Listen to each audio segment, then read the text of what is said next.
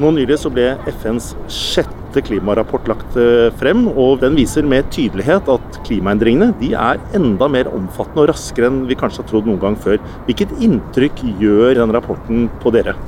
Jeg føler at vi ikke kommer til å klare å ta de rette grepene fort nok.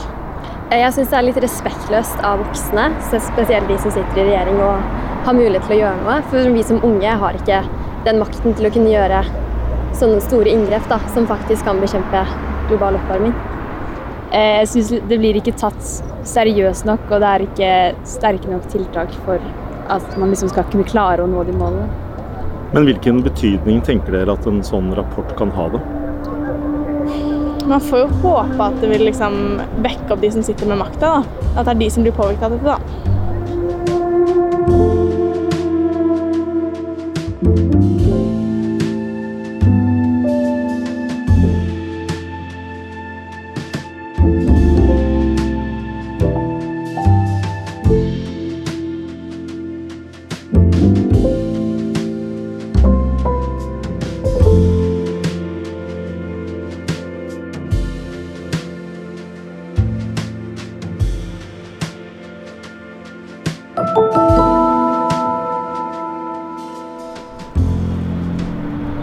Hei, Bjørn. God dag, dag. Hei, Velkommen til drivhuset på, på Youngstorget. Takk. Veldig fint drivhus dere har bygd. Ja, og det blåser litt i dag. Det har vært eh, vanligvis ganske varmt her inne, men nå har det vært stiv kuling minst. Ekstremvær.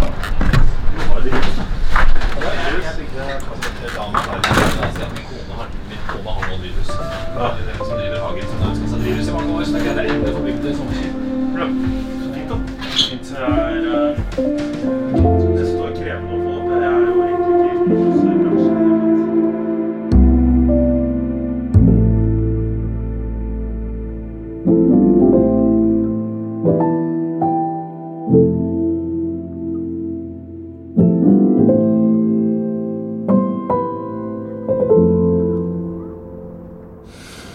Velkommen til uh, Sampodden og uh, drivhusstudioet vårt på Jungstorget. Kristian Christian Kjelstrup eh, heter jeg. Jeg er redaktør i Samtiden. Og eh, i drivhuset i dag så har vi en vaskeekte superhelt. Mener jeg, da. Han er så beskjeden at han sikkert vil være uenig i det. Bjørn Samset, klimaforsker tilknyttet Cicero. Velkommen. Tusen takk skal du ha, og for en veldig hyggelig innledning som jeg så klart er helt uenig i. Du er jo på en måte midt i jeg holdt på å si, både smørøyet og stormen der det gjelder. Du, altså Foranledningen til at du er her i dag, det er at eh, for noen uker siden så var du som en av flere norske forskere som var tilknyttet FNs klimapanel, og da særlig den nye rapporten. Eh, Du har vært en medforfatter av den. Du var med på å legge den frem. Mm. og det er jo veldig spennende at det har vært norske forskere involvert i dette arbeidet. Norske forskere har faktisk vært ganske med i, eh, i eh, utviklingen av klimakunnskap, egentlig helt tilbake til, til Wilhelm Bjerknes og utviklingen av, eh, av meteorologiforståelsen som vi har i dag. Vi har også vært med i så vidt jeg vet, alle hovedrapportene til FNs klimapanel. Og per million innbygger så er Norge det landet som har flest forfattere inn i FNs klimapanel. Så her, her er vi ganske godt synlige internasjonalt. Det er jo veldig gøy. Og en av dem er da deg, og derfor er det et privilegium å ha deg, deg her i drivhuset, Bjørn. Og det vi skal snakke om primært, det er jo selve rapporten. Vi må inn i rapporten, så høre litt om funnene og betydningen av rapporten. Men aller først så er jeg litt nysgjerrig på, fordi jeg, jeg har nesten aldri snakket med en ekte klimaforsker. Hvordan ble du det? Hvordan endte du opp som klimaforsker? Altså, for min del så, så handler jo hele, hele yrkeskarrieren min egentlig har jo vært kjempeheldig å få lov å jobbe med det som interesserer meg. Som rett og slett er bare hvordan virker verden. Jeg begynte som, som fysiker på Universitetet i Oslo og gikk inn i noe av det mer nerdete du kan gjøre, nemlig partikkelfysikk og kjernefysikk. Altså hvordan fungerer verdens minste biter. Så holdt jeg på med det til eh, ferdig doktorgrad og fire år som forsker og alt sånt. Wow. Og der smalt døra, fordi det er virkelig ekstremvær eh, her eh, på Youngstorget. Vi skal få lov å snakke ut, eh, Bjørn. Ja, det blåser blåste godt rundt oss. Vi hadde ikke låst ordentlig. Altså, det er jo, under forrige opptak så var det så mye sol at vi fikk kjenne litt på global eh, eh, temperaturøkning, men, men, nå er det litt sånn annen form for ekstremvær. Ja, altså kan jo, vi kan jo fint, fint, koble det også, da. fordi at altså, En av de sånn, skjellsettende opplevelsene, for, for, det kom helt tilbake i 1991, hvor jeg satt midt under nyttårsstormen som traff Norge da, som er fortsatt en av de kraftigste stormene som, som har truffet Norge. Ja. Og En av tingene jeg har vært nysgjerrig på alltid, er bare hvordan virker egentlig været? Hvorfor kom det plutselig en storm der og da? Altså Hvordan, hvordan virker jordas vær og, og, klima?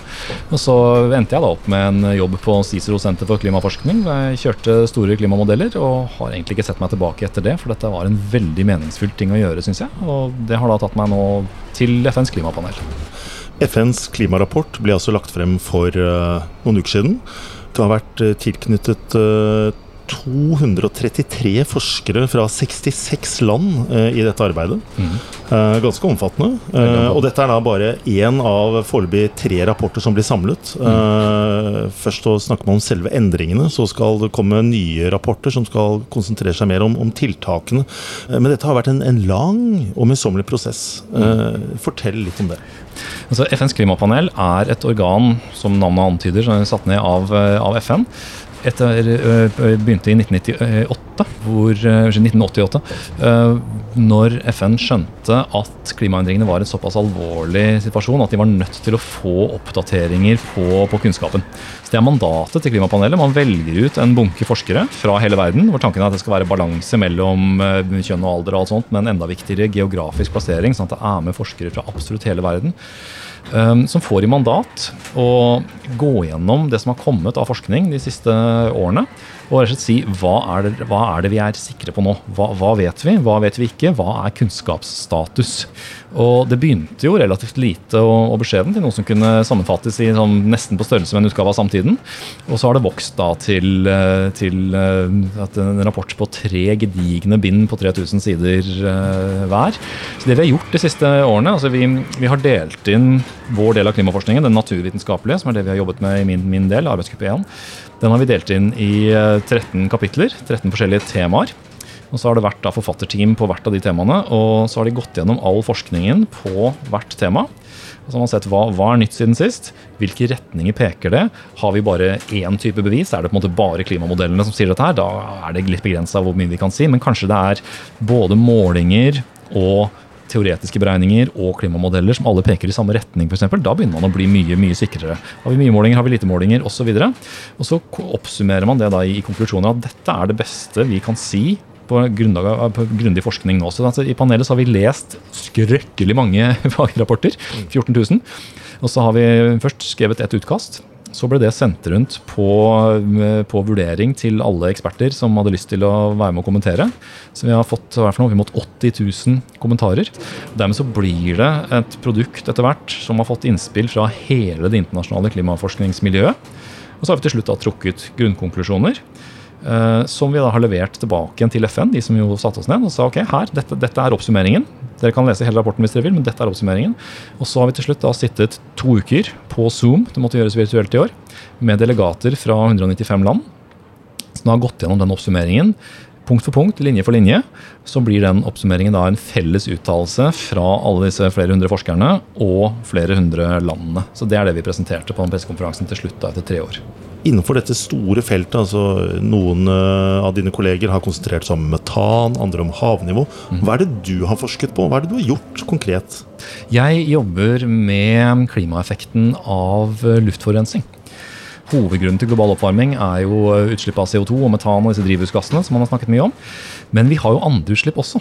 Eh, særlig eh, sulfat, f.eks. Svovelforbindelser. Når du slipper ut dem f.eks. fra kullkraftverk eller fra eh, dårlig rensa diesel, eller noe sånt, så vil de gå opp i atmosfæren, de svovelen, og så vil det bli til, til partikler som både kan blokkere solstråling, dermed så avkjøler de planeten, eller de kan gjøre skyer hvitere. Dermed får de også en avkjølende effekt. Sånn at luftforurensning har avkjølt jorda med omtrent en halv grad. Mens drivhusgassene har varmet jorda med omtrent halvannen grad. Og til sammen så blir det da den 1,1 graden som vi har målt i, eh, i, eh, total global oppvarming. Men du, Forklar meg dette med partiklene i atmosfæren, for det er kjempeinteressant. Hva er det du konkret gjør når du skal undersøke da eh, disse partiklene. Mm. Hvordan kommer du i kontakt med partiklene i atmosfæren? Så Faglig sett så, så jobber vi på, på, på veldig, veldig, mange måter der. Altså Noen av kollegene mine de eh, reiser rett og slett opp i fly med, med målere. Og Noen ganger så flyr de rett gjennom røyken fra skogbranner, f.eks. For, eksempel, for der vet du at det er masse partikler, og så kan du plukke dem inn og så kan du ha, ha um, instrumenter som måler akkurat egenskapene til dem. Andre ganger så bruker vi uh, satellittmålinger. Og En av tingene vi kan se, det er jo da mengden forurensning rundt omkring. Så Det kan vi følge uh, og se hvor mye det er til forskjellige tider. Og så er det noen som jobber med å se på forskjellige teknologier, f.eks. på kullkraftverk rundt omkring i verden. Hvor mye slipper de egentlig ut av sånt? Og så er det noen, som, som meg, for å komme rundt til min egen bit til slutt, som putter alt dette her inn i de store klimamodellene. Og så kan vi da bruke modellen til å skille på klimaeffekten av drivhusgasser og øh, aerosoler, som heter, eller, eller øh, luftforurensning. Og det blir kjempeviktig når f.eks. nå øh, Kina og India de har jo et skikkelig luftforurensningsproblem nå. Vesten hadde det tidligere, nå, nå ligger det der. De rydder opp. Det, får, det, går veldig fort, det er veldig fint. Men da samtidig så mister de den avkjølingen de har hatt pga. luftforurensningen. Det er ikke dermed klart de fortsatt skal kutte luftforurensning, det er ikke noe argument mot det. Men det betyr antageligvis at klimaendringene, og særlig økningen i ekstremvær, kommer til å gå raskere der enn man ellers ville sett.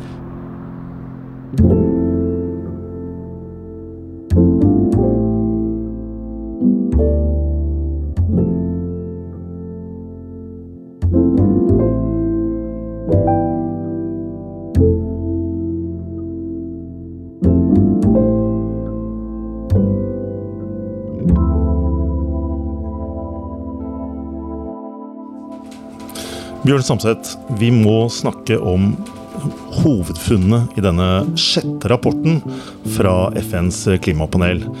Eh, du er med der, eh, medforfatter, eh, i kraft av å være forsker ved CICERO, Senter for klimaforskning.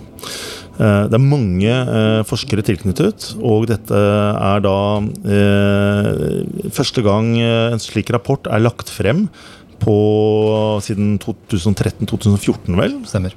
Eh, hva er det som er hovedfunnet i denne sjette rapporten fra FNs klimapanel? Hovedfunnet er at eh, jordas klima er nå i veldig rask endring overalt. Det går raskere enn noe vi har gjennomlevd i vår moderne historie. altså Gå tilbake til år null og tidligere enn det. Vi har aldri sett så raske klimaendringer. Og klimaet er annerledes nå enn det har vært i hele den perioden. Og så viser vi at um, det er mer ekstremvær enn tidligere over hele kloden. Alle deler av kloden er nå påvirket. Og vi viser også helt tydelig at dette er pga de menneskeskapte utslippene som fører til oppvarming, som i tur fører til drivhusgasser. Dette er den utviklingen vi har sett i ganske lang tid. Men nå har vi hatt flere år på oss. Utviklingen har gått lenger. Vi kan gi enda tydeligere og klarere svar enn før. Vi har et mye klarere regionalt bilde av klimaendringene nå enn tidligere. Altså Verden som helhet blir varmere og våtere. Varmere blir det overalt, men våtere det er ikke nødvendigvis det samme bildet overalt. For eksempel, her i Norge så blir det våtere. Her er det ganske vått fra før. Vi får enda mer vann og enda mer regn inn fra Atlanteren og Sør-Europa. Mens rundt Sentral-Europa og særlig middelhavsområdet så tørker det ut, f.eks. Og så er det jo den, eh, dette med forholdet til temperaturmålene. Ehm, I 2015 så fikk vi Parisavtalen, veldig veldig viktig internasjonal avtale, som sier at eh, global oppvarming skal, kan ikke få overstige to grader. Vi skal helst holde den ned mot 1,5. Vel, nå har vi en oppvarming det siste tiåret ti i gjennomsnitt på 1,1 grad. Så det er 0,4 igjen til 1,5-gradersmålet. Og vi, vi, har ikke sett på mange mange, mange forskjellige fremtidsscenarioer hos oss. Det kommer i arbeidsgruppe tre, men vi har sett på fem som er såkalt illustrerende. De går fra det veldig høye til det veldig lave, så vi har på en måte spent ut hele, hele vifta av muligheter. Og alle de scenarioene, inklusive de med ekstremt lave utslipp, går over halvannen grads oppvarming i løpet av de neste par tiårene. Ett av dem så er det såpass mye, antatt såpass mye negativ utslipp, altså rett og slett vasking av karbon tilbake ut av atmosfæren fra 2050-60 og utover, at vi bikker tilbake igjen under 1,5 rundt, altså i slutten av århundret, rundt 2090 eller, eller noe sånt. Så Det er jo en uh, liten bit av håp om at det går faktisk an, hvis konsekvensene blir for sterke, å komme oss tilbake igjen på teknologisk vis. Men sånn i utgangspunktet så er budskapet at 1,5 graders oppvarming, i hvert fall en halv grad til i forhold til det vi har i dag, det får vi uansett. Og akkurat idet du sa det, så gløttet solen inn i drivhuset her. Nå merker du at plutselig så blir det litt varmere, så der får vi kjenne litt på både, både vind og sol. Er det noen overraskende funn? da? Er det noen uh, nye funn som har overrasket deg og dere forskere? Jeg tror vel det som kanskje overrasker oss alle, er hvor raskt det går alle steder i klimasystemet. Vet Man går inn i en sånn prosess som dette. her. Jeg kommer inn og har jo om nå om at jeg jobber med luftforurensning og dens effekt på, på klima. Da kommer man inn med den spesialkunnskapen. Andre kommer inn med spesialkunnskap om havet og havstrømmene. Andre igjen snakker om skyer og, og kanskje havnivåstigning og alle disse forskjellige variantene. Og så kommer vi inn på ett bord, og så setter vi det sammen. Så ser vi at Gjøymeid, altså det, det, det er så dramatisk og så store endringer overalt. Utover det så, så, ligger nok de store du kan, du kan, si Hvis man har fulgt faglitteraturen, så burde man egentlig ikke bli overrasket av FNs klimapanel. fordi at vi har jo ikke egentlig mandat og skal ikke trekke noen nye konklusjoner. Vi skal bare oppsummere det som ligger i, eh, i litteraturen. Så vi visste vel stort sett på forhånd hva som kom til å komme, men det er den der store helheten som er det, det dramatiske. Og kanskje det at vi kunne trekke så sterke konklusjoner som vi nå har gjort om den menneskeskapte påvirkningen på ekstremværet allerede og hvor raskt eh, utviklingen går i disse overraskelsene. En av tingene som vi advarer mot, det er hvordan skal vi forholde oss til ting som vi ikke har noe erfaringsgrunnlag for. Altså si at du har vi snakker om tiårsflommen, vi snakker om hundreårsflommen, vi snakker om tusenårsflommen. Hva med totusenårsflommen? Et eller annet er så ekstremt og så sjelden at det bare vil skje i gjennomsnitt en gang hvert 2000. år. 2000 år siden, det var år null. Da, da så verden veldig veldig annerledes ut. Og vi har antageligvis ikke noe erfaring med en sånn 2000-årsflom. Og uansett når den kommer, så vil den komme som en fullstendig overraskelse på oss. Vi har aldri sett noe som ligner. Vi kan ikke bruke statistikk og tidligere målinger på å si så og så ille kommer det til å bli, for vi har ikke noe, har ikke noe erfaringsgrunnlag. Så advarslene der om at det kommer til å komme rett og slett flere og flere overraskelser, de syns jeg er veldig tydelige i, eh, i, denne rapporten. Og det er kanskje det vi må legge oss aller mest, uh, bite oss aller mest merke i. For jeg tror alle har skjønt nå at her blir det varmere. Det blir mer, mer hetebølger, det blir mer ekstremregn, alle disse tingene men også at de kommer, å, de kommer til å komme utenfor det vi har forutsagt. Det er det som ligger i begrepet overraskelser. Det er faktisk vanskelig for oss også å komme med en helt klare forutsigelsen av akkurat der blir det så vått at det blir, at det blir skadelig. Men du, du, bruker mye ord likevel som sikkerhet, tydelighet, evidens. Eh, likevel vil jeg da spørre deg til den mest ihuga klimaskeptikeren der ute, som tenker at ja vel, forskning er også relativt. Det man har forsket på og konkludert med før, har vist seg ettertid å bli feil. Hva sier du til en slik person i lys av denne rapporten nå? Vi jobber jo med å forsøke å falsifisere teorier, vi som, eh, som alle andre, og tester alle, alle, muligheter. Og klimaforståelsen vår den er jo basert på det mest grunnleggende vi har av fysikk og kjemi og geofag og matematikk og alle disse her grunnleggende fagene. Det er helt enkle fysiske sammenhenger. Det vi har konkludert med denne gangen, er jo at nå, nå, nå er altså den relasjonen mellom menneskeskapte utslipp til en forsterket drivhuseffekt, til en økt temperatur, til et videre endret klima og ekstremvær, den er så klar og så tydelig at vi, vi, klarer ikke å bruke dette her formelle usikkerhetsspråket vårt eh, på det lenger. Og Der hvor du har flere typer bevis og mye faglitteratur som peker i samme retning, da kan vi begynne å komme med noe som kalles en confidence statement. Hvis du leser rapporten, så vil du se at du finner noe med low conference, der hvor vi ikke syns vi er sikre, medium conference og high conference etter hvert. Da har du virkelig høy sikkerhet. Der hvor du har high conference, og i tillegg har noe som kan settes tall på, f.eks. graden av oppvarming Altså hvor, hvor, mye av oppvarmingen er pga. menneskeskapte utslipp f.eks. Da kan du også bruke en, en sånn likelihood-skala. som Du vil også finne ord som likely, very likely, extremely likely. Når du er på extremely likely, så er det altså 99% sjanse for at det vi sier, er, er sant. Og på et eller annet punkt så går du også forbi det. Og en del sånne ting, som den grunnleggende sammenhengen som jeg, som jeg nevnte. altså vi, vi slipper ut CO2 fra fossile kilder. Det påvirker drivhuseffekten. Drivhuseffekten gjør det varmere. Varmen gjør at ekstremværet øker osv. Den sammenhengen der den er så godt etablert at nå er den utenfor den, den usikkerhetsskalaen. Og Hvis det er spørsmål der, og det vet jeg at det er, altså det er masse spørsmål, og de er jeg liker å alltid si det, spørsmålene er berettiget. Absolutt. Bare vær så snill og hør på svarene. Kom og les rapporten. Sjekk hva som står der, eller kom og spør oss, for her ligger det enormt med vitenskap og innsats lagt. Men du, Bjørn Samset, la oss være litt uh, selvopptatt også. For det du snakket om uh, det regionale fokuset i rapporten.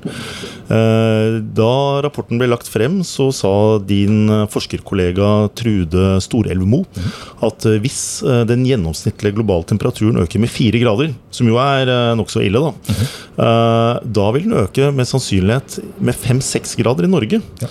Hva vil du si, hvis du skulle si, se sånn eh, en, en, liten generasjon frem i tid i Norge, hva kan vi forvente oss av eh, klimaendringer som vi vil kjenne på kroppen? Mm.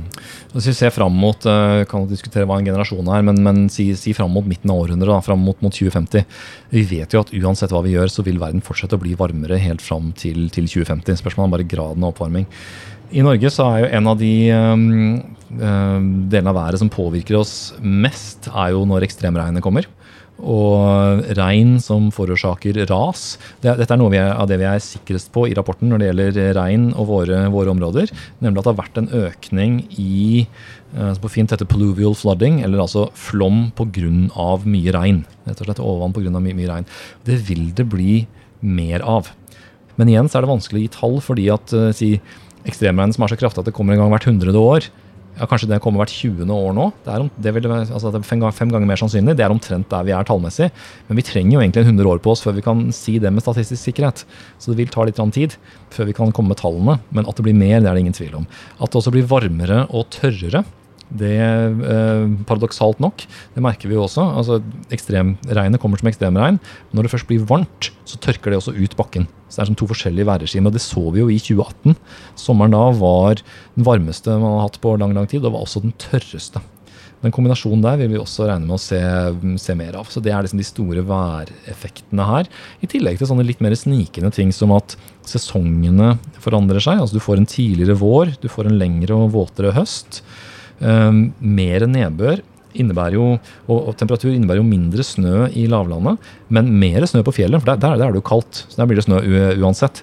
Da klimarapporten ble lagt frem, eh, Bjørn, så eh, ble det ledsaget av masse oppslag i media eh, hvor det sto med store bokstaver 'Nå brenner det'. Eh, det var oransje bilder. Det har vært mye skogbrann i det siste. Ikke bare, bare vind og, og andre typer ekstremvær, men, men kan du si noe om effekten av disse skogbrannene egentlig? Kjøler det egentlig ned, eller varmer opp atmosfæren? Veldig bra spørsmål, og det er jo sånn vi faktisk jobber litt hardt med å prøve å finne ut av. Altså, Skogbranner er jo en, en helt naturlig del av, uh, av uh, naturen, del, del, av syklusen. Det er alltid brent, og det kommer det alltid til å gjøre. Men når det blir varmere og tørrere, så blir det jo mer skogbranner. En ting det gjør, er jo å flytte mer karbon opp i atmosfæren. Det er egentlig akkurat samme effekten som om du tar uh, fossile brensler og drar dem opp av bakken og putter dem opp i atmosfæren. Altså, du, du, du får karbon ut i aktivitet. Så skogbranner er på den måten med å, å varme opp jorda fordi den øker mengden drivhusgasser. Så Røyken fra skogbranner den er faktisk litt vanskelig, for den er til en viss grad eh, hvit. Så kan tenke deg å sett en skogbrann på, på, avstand, så kommer det mye hvite partikler. Det betyr at de reflekterer. Men så er det også en del sot inni der. Eh, og sot er mørkt. Og det fanger opp solstråling, så da får du en liksom balanseeffekt. Skog, eh, røyken fra skogbrann er faktisk en av de tingene hvor det forskes ganske grundig nå. Vi, vi, regner med at røyken avkjøler en del, men den store forskjellen er at den røyken den blir bare i atmosfæren i en par dager på det aller meste. Og Så faller den eh, ned, og partiklene havner på bakken. Mens eh, de drivhusgassene som er sluppet ut, de blir der i lang, lang tid inntil eh, skogen vokser tilbake igjen og, og begynner å ta opp drivhusgasser. Så, så i, over tid så, så, varmer de opp mer enn de avkjøler, definitivt. Men alle disse skogbrannene de blir jo bokstavelig talt sett på som en sånn endetidstegn. altså Det er et veldig sterkt bilde. Eh, en slags sånn Armageddon når du ser flammene står opp av en, av en svær skog på, på, på avstand. Mm. Eh, er det det vi skal tolke det som? Til en viss grad. altså Om, om, om ikke Armageddon, så i hvert fall klimaendringenes ansikt. Altså, vi har jo hatt global oppvarming i, eh, i lang tid. Eh, men først nå så begynner vi virkelig å merke den.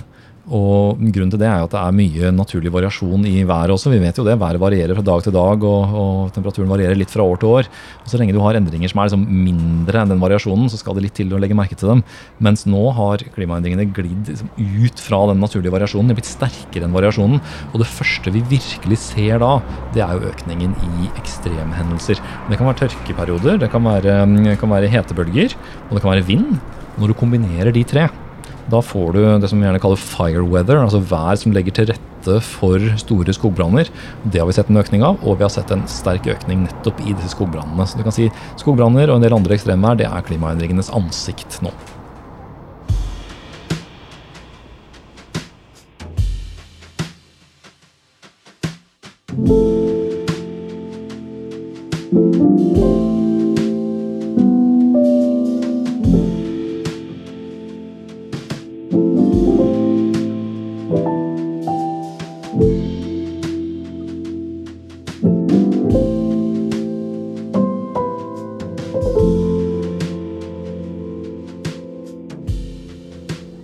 Jeg sitter inne i drivhuset der, og har en klimapodkast, og så stiller jeg en spørsmål til folk som går forbi. Har dere et halvt minutt? Tusen takk. Eh, Vi har lagd en episode om, eh, om eh, FNs klimapanel og den sjette klimarapporten som de har lagt frem nå. Og da er spørsmålet mitt til dere.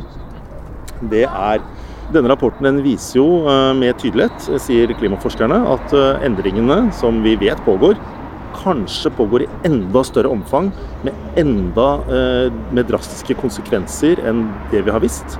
Hvilket inntrykk gjør funnene i denne rapporten på, på dere? Eh, altså at jeg har stemt eh, mer miljøbevisst enn jeg egentlig hadde tenkt.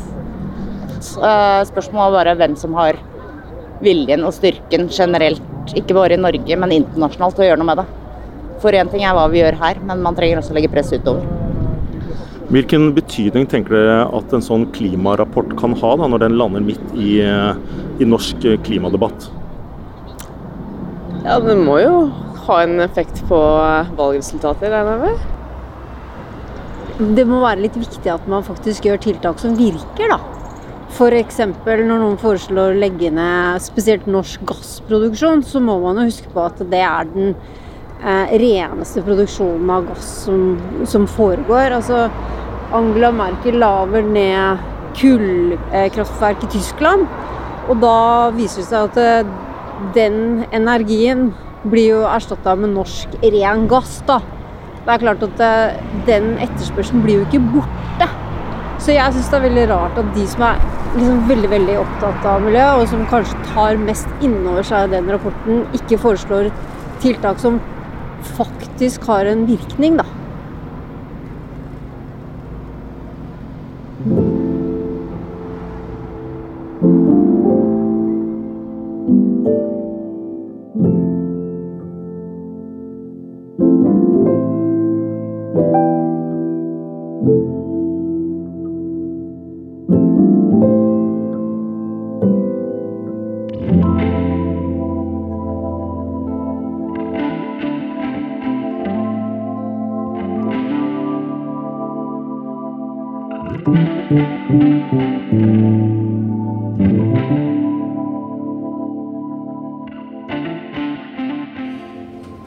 Men Bjørn, hvis jeg skal generalisere litt, da, så er det et slags eh, nokså bredt spenn av løsninger eh, fra de ulike klimapartiene fra å ville avvikle eh, konkret petroleumsnæringen, og med det også det vestlige levesettet, som vi er en del av, eh, til løsninger som handler mer om eh, innovasjon og satsing på teknologi, og som kommer fra høyresiden. Og da er vi ved et slags paradoks, fordi eh, man kan jo si da, hvis vi eh, tidfester den industrielle revolusjonen til la oss si 1850, røftlig rundt der, så er det jo i tiden etter det at forurensningen, klimaendringene, har skutt fart.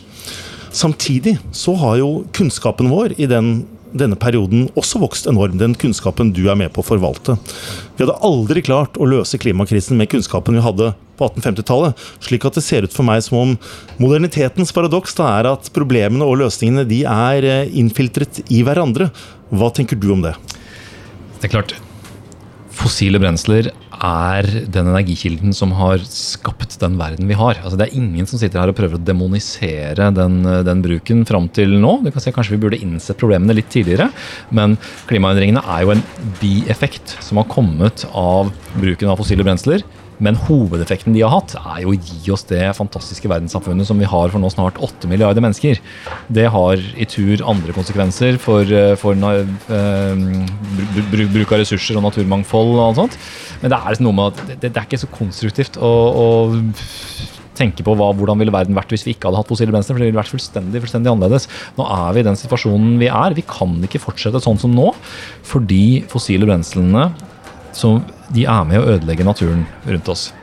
Samtidig så kan vi ikke bare slutte med dem, for da ødelegger vi samfunnet vårt. Det er en sånn uh, catch 22. Og når det gjelder hva slags løsninger vi skal velge, altså om vi skal gjøre det ved å forbruke mindre eller teknologiske løsninger hva, jeg, Så lenge jeg har på meg klimaforskerhatten, jeg, det, det, jeg bryr meg ikke. Det, det, er, det, er, et spørsmål som vi samfunn, uh, samfunnsborgere skal ta i fellesskap. Det som betyr noe for klimaet, er at de løsningene innebærer at om 50 år, i 2070, det er det siste tidspunktet. hvor vi må, eh, altså Innen det så må vi ha klart å få netto null utslipp. Altså Vi kan ikke ha større utslipp av, av drivhusgasser enn det vi selv klarer å ta opp gjennom teknologiske eh, metoder. Så mm, hva enn som tar oss dit. Hvis teknologien kan fikse det, fint. Hvis atferdsendringer må til, hvis vi må revolusjonere hele verdens økonomiske struktur, ja vel. Hvis det er det som kreves. Så der, der, der, der, leverer egentlig vi klimaforskere tilbake igjen til samfunnet og sier at vi skal ikke velge løsningen. Dette skal vi nå velge i, i fellesskap. Det vi sier, er bare hva løsningen må innebære. Netto null utslipp. Men Bjørn, du bryr deg også litt mer om løsninger enn du sier nå. For du kommer med en bok du, om ikke veldig lenge, i september, eh, som heter 2070 med den lange undertittelen 'Alt du lurer på om klimakrisen og hvordan vi kan komme oss forbi den'. Og da har jeg en forventning om at det også er eh, noe løsningsorientert du skriver om. Eh, helt kort, da. Hva er eh, hoved, hovedpoenget med denne boka oppi all annen klimalitteratur. Hva er det du uh, gjør her i denne boken? Denne boka prøver å være konstruktiv og positiv. Altså Målet mitt med boka er å, å legge et kunnskapsgrunnlag for klimadiskusjonene videre. Jeg forklarer naturvitenskapen, jeg forklarer klimascenarioene, jeg forklarer liksom, de mulige klimaløsningene. Alt det der. Og så sier jeg også der at det er ikke meg som skal velge løsningen for, for dere. Dette, altså, og jeg skal være én av åtte milliarder borgere som er med å velge løsninger eh, framover. Men i slutten av boka så gjør jeg noe som som eh, nok ikke er så vanlig. Nemlig jeg plukker ett av de scenarioene som eh, Klimapanelet og andre mm, jobber med. Og så tar jeg det som utgangspunkt for en eh, nesten skjønnlitterær presentasjon av ett liv gjennom de neste 50 årene. Jeg følger en person som går ut av videregående nå i dag. Og hen skal da gjennom et langt liv og pensjonere seg nettopp i 2070. Det er de 50 årene som vi har, vi har på oss. Og så viser jeg da hvordan akkurat den verden utvikler seg og hvordan denne personens liv utvikler seg i, i parallell. Og Der vil du se da en, en tidlig satsing på utdanning f.eks., og en, et sterkt FN fordi vi trenger samarbeid om både nødhjelp og løsninger i de tidlige årene. Også en klar satsing på noen typer energi og nedprioritering av andre. Dette er jo valg. Og det er ikke det at jeg sier at jeg tror dette er de fornuftige valgene nødvendigvis, men dette er noe hvor det henger sammen. Sånn kan vi gjøre det. Velger vi denne veien, så går det greit. Og Hvis man leser den boka og kommer fram til den konklusjonen, eller den, den slutten, så tror jeg nok de fleste vil se at ok, dette kan vi faktisk klare hvis vi vil. Det er hovedbudskapet mitt. Men nå står vi i et uh, veikryss, uh, opplever jeg det som. Og nå mener jeg vi som sivilisasjon. Mm. Og uh, det som er litt positivt, da, det er jo at klima har blitt hovedtema i valgkampen. Eh, det er full oppmerksomhet rundt klimaspørsmålet nå, ikke minst etter at eh, du og dine medforfattere la frem klimarapporten. Mm -hmm. Når neste rapport kommer, og det er vel om en sånn fem til syv års tid, og kanskje du er med da òg mm -hmm. Da har det gått fem til syv nye år av hen sitt liv. Mm. Hva er din forventning til hva den neste rapporten vil inneholde, og hva som har skjedd i mellomtiden? Altså, klimapanelet har jo tre deler. Og på den naturvitenskapelige delen så eh, forventer jeg eh, nok en 0,2 grads oppvarming omtrent. Kanskje litt mindre enn det, litt avhengig av. Det er sånn takten er, eh, er nå. Og dertil mange sterke konsekvenser rundt omkring. For Egentlig så har vi ikke sett de fulle, den fulle rekkevidden av bare de endringene som vi har, um, som vi har forvoldt til, til nå engang. Så vi kommer til å kunne si enda mer om detaljene i uh, hvordan ekstremværet påvirker oss. Men så er det da arbeidsgruppe to og tre som sier altså hvordan, hvor følsomme er vi? Hvordan kan vi tilpasse oss? Og arbeidsgruppe tre som om, eh, snakker om hvilke scenarioer vi kan følge for å klare det. Så jeg forventer at både politikken som fører til utslippsreduksjoner, skal ha kommet ganske mye videre på den tiden. Og dermed så kan arbeidsgruppe 3 gå mye mer spesifikt inn på effekten av de ulike tiltakene som allerede er i gang. Og konsekvensene av klimaendringene på samfunnet kommer til å være mye tydeligere. Derfor kan vi også være mye tryggere når vi sier at dersom det blir så og så mye varmere framover, så blir konsekvensene for samfunnet, for naturen, helt konkret så og så mye større. Det er der jeg forventer de virkelig store nyvinningene til neste rapport. Men jeg forventer også ganske mye der av arbeidsgruppe 2 og 3 når de kommer med sine rapporter i februar og mars henholdsvis i 2022. Så det er det, vi, det, er det neste punktet vi kan se fram til. Nå var det en bil som startet opp utenfor studio her og minner eh, meg på at du skal videre. Du skal delta nå i klimabrølet utenfor Stortinget. Eh, et digert brøl eh, for, klima. Man kan jo si at brøl på mange måter er det motsatte av forskning på noe vis. Men de har også forskere med, og de, har, de er deg og andre som skal holde appeller og sånn. Hva, hva syns du om brølet? Jeg syns brølet er kjempefint. Altså, vi forskere har lagt grunnlaget men det, det, betyr jo ingenting hvis ingen plukker opp budskapet. Vi er så fornøyde med si, egentlig at denne rapporten, når vi la fram den, så ble den egentlig tatt fra oss nesten med en gang. Vi fikk lov å legge den fram. Og så deretter så var det egentlig politikerne som måtte diskutere den. Det er kjempefint. For da, da, har vi hatt den effekten eh, vi, vi ønsket. Og så kommer klimabrølet, f.eks. Med, med, med sitt utgangspunkt. Altså det, det, jeg og noen andre forskere gjør der, er jo å være med og nett og slett legge grunnlaget og så tar de det med sine synspunkter videre og sier at på, på bakgrunn av dette her, så føler vi for å brøle. Jeg skal ærlig med at Den følelsen har jeg hatt sjøl også en del når jeg jobbet med denne rapporten. her, så sånn sett kan jeg være veldig enig. Men her igjen så er vi, altså, vi er med som premissleverandører. Og så er jo tanken at alle deler av samfunnet rett og slett må ta dette videre. For dette er vårt felles grunnlag. Naturen bryr seg katten om hva du stemmer. Men hva vi gjør med endringene, der betyr det noe om hva du stemmer og hva vi mener politisk, om man brøler eller, eller ikke. Sånn sett syns jeg sånne markeringer er helt utmerkede. Jeg er veldig glad for å få lov å bidra.